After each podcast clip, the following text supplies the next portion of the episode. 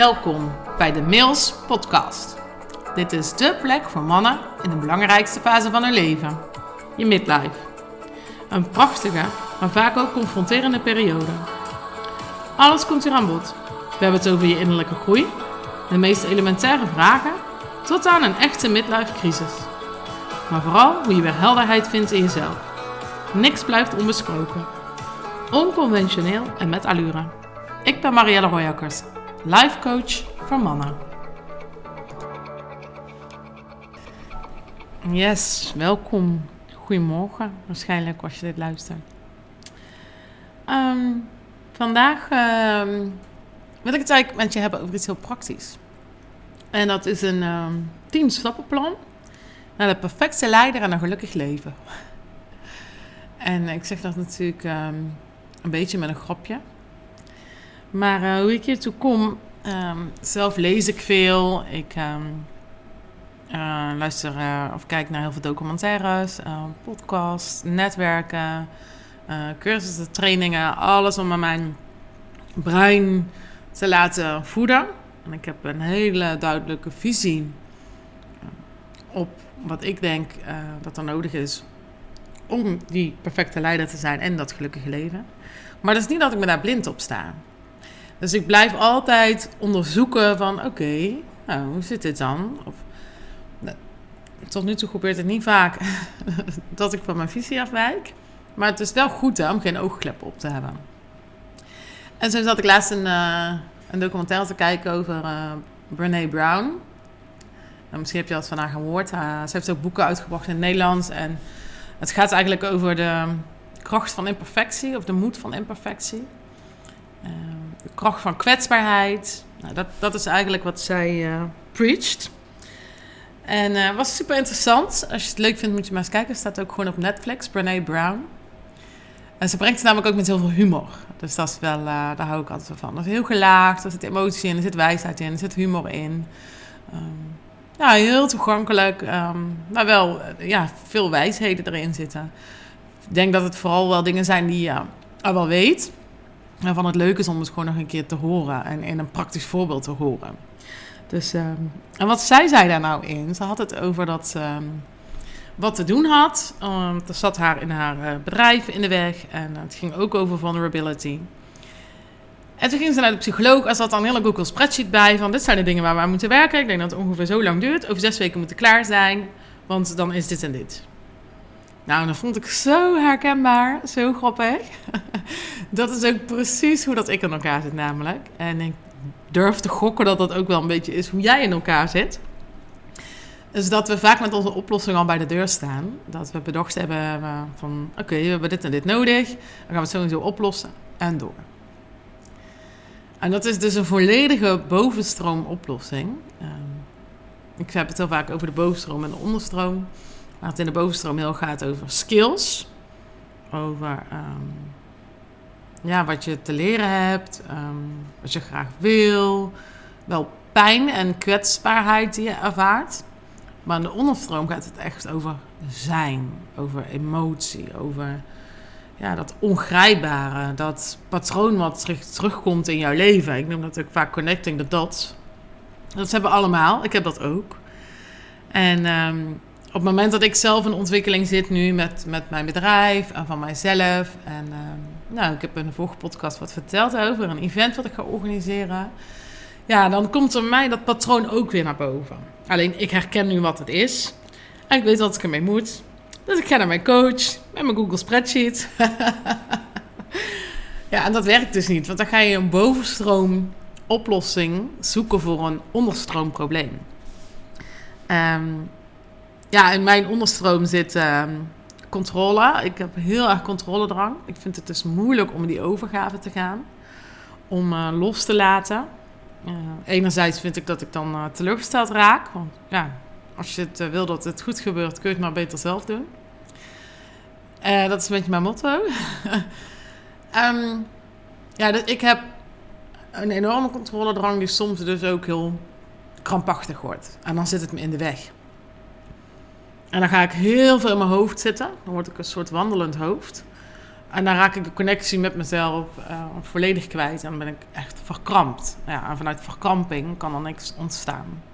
Dus dat helpt me niet. Dus ik herken nu wel van, oh, ik schiet nu weer in die controle. En ik weet ook waar het vandaan komt. Dus ik ben dan bij mijn coach vorige week en dan hebben het daarover. En dan popt elke keer diezelfde gedachte op. Ja, Jezus Jel, is nou, ja, je weet dat het dit is. Hoe lang ga je hier nog mee lopen? Um, ja, moet ik hier dan nou uh, naar potje gaan zitten janken? Dat levert toch helemaal niks op? Um, en dan ga ik afleidingen zoeken in mijn brein. Dus dan zeg ik, oh, ik vind het wel lekker koffie. Waar heb jij, uh, met welke melk heb jij de cappuccino gezet? En oh, wat een mooie bloemen heb je staan. En, dus ik ga afleidingen zoeken om maar niet naar die pijn te hoeven. Want ik heb daar een oordeel op. Ik heb een oordeel op mezelf. Ik heb een oordeel op die pijn. En ik wil daar niet heen. Want naar de pijn toe gaan is niet fijn. En ik, ik weet als coach, en ik weet rationeel, dat dat de enige oplossing is. Want ik kan er omheen blijven dansen. En dat werkt ook wel goed. Hè? Dat is wilskracht, overleving, doorgaan, bovenstroom, mindset. En dat, dat weten jullie ook. Dat, ja, dat, dat hou je heel lang vol. En dat heeft je ook gebracht tot waar je nu bent. Dus ja, dat is ook heel helpend. Maar omdat het een patroon is wat steeds terugkeert, het uitzicht dan op verschillende vlakken. Maar uh, ik weet welk, welk patroon en welk trauma noemen ze dan in de coaching um, aan vooraf gaat. Het zal ook nooit helemaal opgelost worden. Maar je herkent het en je kan beter op terugpakken. En dan kan je zelf um, veiligstellen, noemen ze dat dan. Dus ik, kan me, ik voel me dan innerlijk onveilig als ik die afleiding zoek en over die cappuccino ga praten en over die bloemen. Want ik wil niet naar die pijn. Dat voelt spannend. Ik wil er niet aan toegeven. Ik wil niet kwetsbaar zijn. Ik wil niet. Ja, daar gaan zitten janken. Want jezus, van een drama. Echt. Cut the crap, zeg ik dan ook. Dat zeg ik ook letterlijk tegen haar. En dan zeg ik, ja, weet je, ik heb toen mijn uh, billen gebrand en ik moet nu gewoon op de blaren zitten. Ja. Dus waar ik heen wil met mijn verhaal. dat dwaal een beetje af. leven, een saai leven, een zonde van mijn leven. En ik denk dat dat voor jou ook zo is. Want jij hebt ook gewoon een, een succesvol bedrijf. Je hebt dromen, je hebt ambities. Uh, je hebt al heel veel gerealiseerd. Op de manier zoals je het tot nu toe gedaan hebt. Maar wil je door dat plafond heen, wil je voorbij die onderstroom, die connecting the dots, dat ja, trauma is een groot woord, maar dat is nou eenmaal zoals het heet. Weet je, het is ook gewoon wat het is. Als je daar voorbij wil, dan moet je iets anders doen dan je tot op heden gedaan hebt. Dus ik zat daar vorige week ook. Ik kan je vast spoiler alert geven. Ik ben er niet doorheen gekomen in die ene sessie. Dus ik zat daar met mijn actielijstje en uh, ja, heb ik ook echt een goede coach, ook een onderstroomcoach. Die laat me er ook gewoon niet mee wegkomen. Dus we beginnen over die cappuccino. En dan zegt ze, Marielle, hier blijven. Gaat er niet omheen. Oeh, oeh. maar dat heb ik ook nodig. Dus, um, en nee, het is niet in die ene sessie gebeurd. Dus ik mag over twee weken terug. en dan ga ik het ook weer aankijken. En dan ga ik die pijn ook weer... Um, ja, erkennen, herkennen, zien en horen. En dat is wat je telkens te doen hebt. Ik heb een verlangen groter dan waar ik nu sta. Jij hebt een ambitie, een droom, een verlangen groter dan waar je nu staat. Dus om daar te komen, moet je iets anders doen dan wat je al deed. En dat vergt moed, lef, onzekerheid, uh, een oncomfortabel gevoel. Ja, met je billen bloot.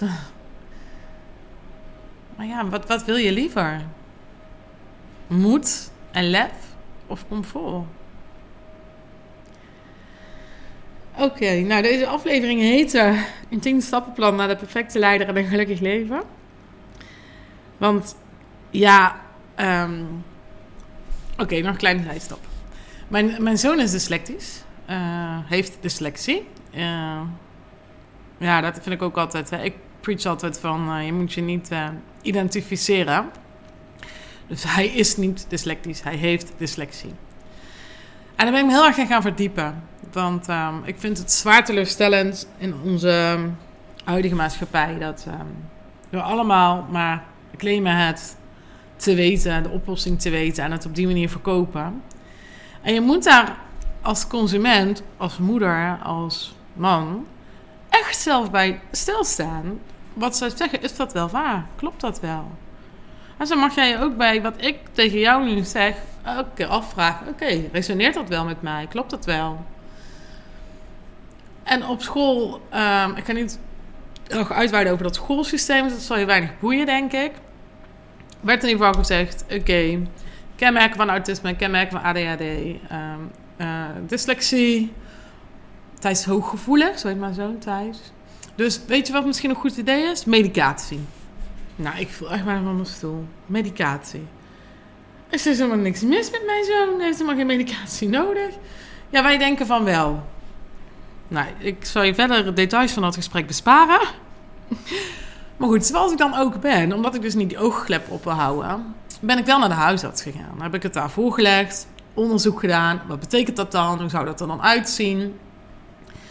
Um, nou, dan word je doorverwezen en dan wordt er gewoon zonder ding krijg je, zonder blik of blozen, krijg je een doorverwijzing naar eh, een kinderpsychiater. En ik dacht echt, holy guacamole, wat gebeurt hier allemaal?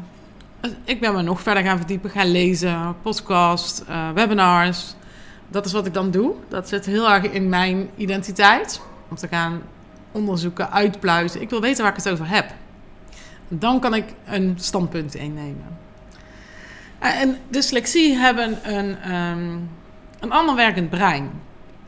Uh, ons brein is in twee delen verdeeld. Hè? Een linker en een rechter hersenhelft. En zoals jij de voorkeur hebt om met je rechter of met je linkerhand te schrijven... of met je rechter of met je linkerbeen te voetballen... zo heb je ook de voorkeur tot een rechts- of een linkswerkend brein. En ongeveer 15% van de bevolking gebruikt beide hersenhelften evenredig ons schoolsysteem en onze maatschappij is ingericht op links georiënteerde breinen. En daar zit uh, analytica, uh, logica, uh, cijfers, letters, nou, neem het. En aan de rechterkant van ons brein zit visueel, emotie, creativiteit. Um, nou, dus dat wat daar tegenover staat. Natuurlijk gebruiken we altijd allebei onze hersenhelften, maar we hebben daar een voorkeur voor. Als je die op een lineaal zet, heb je dus links wetenschappers. Die gebruiken dus vooral een analytisch brein. En helemaal rechts zit de filosoof en de kunstenaar. Nou, ondernemers, um, interieurarchitecten, mensen met creatieve beroepen. Die zitten ook overwegend rechts. Die gebruiken veel meer van hun creatieve brein, hun visuele brein, een oplossingsgericht brein ehm, dan links. Nou, dat heb ik zelf ook. Uh, ik ben zeker niet dyslectisch, want ik lees heel graag. Maar ja, ik zit heel erg in het creatieve. Maar ook heel erg in het analytische. Want ik werk heel graag met spreadsheets. en uh, analytisch. En wat levert het mij nou eigenlijk op? Ik ben heel erg ook met getallen bezig.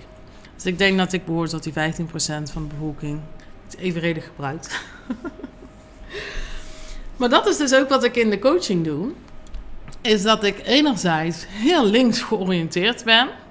Dus ik ga heel erg in op jouw um, resultaat. Wat is het wat je graag wil bereiken? Oké, dan hebben we deze stappen daarvoor nodig. Je staat op A, je wil naar B. Oké, hoe overbruggen we dat? Nou, dus dan, dan werk ik ook echt nou, resultaatgericht, heel planmatig. Want ik geloof namelijk ook echt dat er een route is van A naar B. Dat er een tien stappenplan is van A naar B. En of het er nou tien zijn, maakt niet uit, maar het klonk lekker? Het gaat er vooral over, want het is rompepopom, hier komt hij dan. Ik geloof, en ik heb ervaren, ik heb het bewijs gezien, dat je dus eerst naar die pijn hebt te gaan, naar binnen hebt te gaan leiderschap neemt over jou als persoon. Dat noemen ze dus persoonlijk leiderschap. Kijk, leiding geef je al in jouw organisatie. Maar nu gaat het over jou. En persoonlijk leiderschap gaat dus over jouw conditionering, over jouw patronen, over jouw bovenstroom en dus ook jouw onderstroom. Wat mag jij aankijken? Welk patroon komt er telkens terug in jouw leven? Waar loop je tegenaan? Waar kan jij bijvoorbeeld geen controle loslaten? Of waar ehm, vertrouw je juist te veel op mensen en raak je daardoor teleurgesteld? Of wat is het in jouw leven dat er steeds naar voren komt? Kan jij je niet echt geven? Vind je het moeilijk om um, bijvoorbeeld in een relatie trouw te blijven? Hou je dan wel genoeg van jezelf? Er zijn, eh, iedereen heeft dat, hè? Dus het is, ja, het is ook, je hoeft ook niet te denken van, oh, dat heb ik niet. Een heeft er meer last van dan de ander. De een laat het van zich afglijden, maar de ander stapelt het zich gewoon meer op. En is het ook meer, hè? Dus daarin is ook absoluut geen goed of fout. Maar ik geloof dus wanneer je daar ehm, leiderschap neemt over jouw conditionering, nou, dan neem jij anders waar. Als jij in een vergadering zit, dan heb jij je ego al aangekeken. Of je herinnert je aan en denkt, oeh ja, daarom vond ik dit zo irritant. Oh ja, dat is dit en dit. Dus je neemt leiderschap over je gedachten, leiderschap over je conditionering. En daar komt ook zelfcompassie en zelfliefde bij kijken. Zonder oordeel. Nou, vervolgens is de volgende stap is innerlijk leiderschap. En innerlijk leiderschap gaat dus echt over zijn. Zijn in het moment. Daar komt ook een stukje rust en meditatie bij kijken. Zijn met wat er is. Je geluk vinden in dat wat er al is. Maar ook dus luisteren naar dat verlangen wat je hebt, die dromen die je hebt, daar ruimte aan geven. Daar ontstaat nog zoveel meer zelfliefde. Daar gaat het over je innerlijk vrij gaan voelen. Dus je gaat voorbij die belemmerende overtuiging, voorbij die conditionering. En je gaat gewoon dat doen wat goed is voor jou. Zonder dat je daar dus nog toestemming van jezelf voor nodig hebt. Want dat heb je je inmiddels gegeven. Zonder dat jij bang bent wat je omgeving van jou gaat vinden. Zonder dat je heel erg druk maakt over het resultaat. Want je gaat namelijk dingen doen die niet per se rendement opleveren. Je gaat het gewoon doen omdat jij het wil. En dat is helemaal oké. Okay. En vervolgens ga je dan uh, na eindelijk leiderschap jouw plek weer zoeken. Want ja, als kun je net zo goed in je eentje op een hutje op de hei gaan zitten, dan uh, lekker zen bestaan. Maar ja, daar zijn we niet voor gemaakt. We zijn ervoor gemaakt om te verbinden. En je hebt ook gewoon een bedrijf te leiden, hè? niet de hele dag zitten mediteren natuurlijk. Dus dan ga je met alle opgedane kennis die je hebt over wie jij wil zijn... en jouw innerlijke vrijheid in combinatie met leiderschap over jouw conditionering... ga je dus helemaal heel en zuiver jouw bedrijf leiden. Je relatie leiden. Je leven leven. En dat is onwijs inspirerend. Dus de volgende stap is dan inspirerend leiderschap. Want zeg eens eerlijk, als wij iemand zien, hè, of het nou op een podium is of op tv is, en diegene is schaamteloos zichzelf. En die heeft dat wat wij graag willen, die heeft die balans, die heeft dat, dat fantastische bedrijf, die mooie auto, dat, die, die gelukkige relatie, is ontspannen. Jezus, je daar kijken naar, dat is echt heel inspirerend, hè? Wat als jij nou die man bent? Die inspirerend leider van jouw bedrijf. Je weet dat het goed is voor jouw directieteam, voor je managementteam, voor de mensen in jouw bedrijf. Als zij vanuit die energie die jij inbrengt, voor jou gaan werken. Dat, je ziet het resultaat terug bij je klanten. Het begint bij jou. Jij druppelt het door die organisatie in.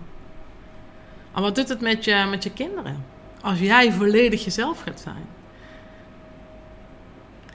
Het is, ik geloof dat dat de weg is um, naar de perfecte leider zijn en een gelukkig leven. Want jij neemt leiderschap over wie je bent, wat je voelt, wat je denkt, wat je doet. En je kijkt het echt aan. En daar is moed voor nodig, zoals ik zei. Moed om die imperfectie aan te kijken, om het toe te geven. Om wel naar die pijn te gaan. En weet je, ik dacht ook elke keer, als je naar een coach gaat, dan kom je één, gaat er met één probleem naartoe en je komt met tien stapjes naar buiten. En ergens heb ik die stemmetjes ook nog steeds in mijn hoofd. Hè? Want ik ging daar met mijn Excel-lijstje naartoe. Ja, en op het eerste onderwerp konden we alweer tien varianten verzinnen. Daaronderliggend zijn vaak maar één of twee dingen. En die mag je aankijken. En ik geloof dat wanneer jij die echt aankijkt, je daar bewust van bent, dus dat inzicht krijgt door naar die pijn toe te gaan. Door jezelf te horen praten. Door het terug te krijgen van je coach. Dat je daar dan leiderschap over kan nemen. Ik, ik weet niet heel veel over echt, echt uh, traumatherapie. En dus echt, um, uh, je hebt van die lichttherapie, EMDR, uh, EFT, dat is met kloppen op je meridianen. Ik, ik weet dat het bestaat. Ik ben het nog nooit ondergaan. Dus ik weet ook gezegd niet wat dat toevoegt. Maar dat komt omdat ik wel echt geloof in dus leiderschap nemen. En daar heb je wel kennis en inzichten voor nodig. Dus je moet weten wat het nu echt is in een onderstroom. Wat zijn er die één of twee dingen die jou echt in de weg staan? Wat heeft dat tot gevolg? En als dat helder genoeg is voor jou, dan kan je de leiderschap overnemen. Ja, dat, dat, dat moet je durven. Dus de vraag van mij aan jou is: waar kies je voor? Voor moed of voor comfort? Nou, ik ja, hoop dat dit interessant was voor jou. Um, dat het resoneert met jou. En um, wil je nu mijn persoonlijke één op één begeleiding op? Dan help ik je heel graag. Ik werk dus met, uh, met mannen, ondernemers, DGA's, dus uh, ook uh, waar jij je mee identificeert. Um, ja, en hun legendarisch leiderschap. En dat gaat dus echt over volledig zijn wie je wilt zijn. Zijn wie je bent. En daarmee een inspirator voor de mensen om je heen. En in de bovenste gaat het ook gewoon over skills. Um, veel van mijn klanten die hebben het bedrijf overgenomen van hun ouders. En hebben superveel geleerd. Maar om een visionair leider te zijn van een tiental miljoenen bedrijf... Ja, weet, dat wil jij ook blijven ontwikkelen. Dus ja, die mannen help ik in de bovenstroom en in de onderstroom. In het leuke in skills verbeteren en door naar de pijn te gaan. Dus um, ja, ik hoop dat dit uh, waardevol voor je was. Ik zou het heel erg um, waarderen als je dit voelt en hem uitreikt. Dat je, daar, uh, dat je die moed toont. Ik wens je nog een hele fijne dag, nacht of avond. En uh, tot de volgende.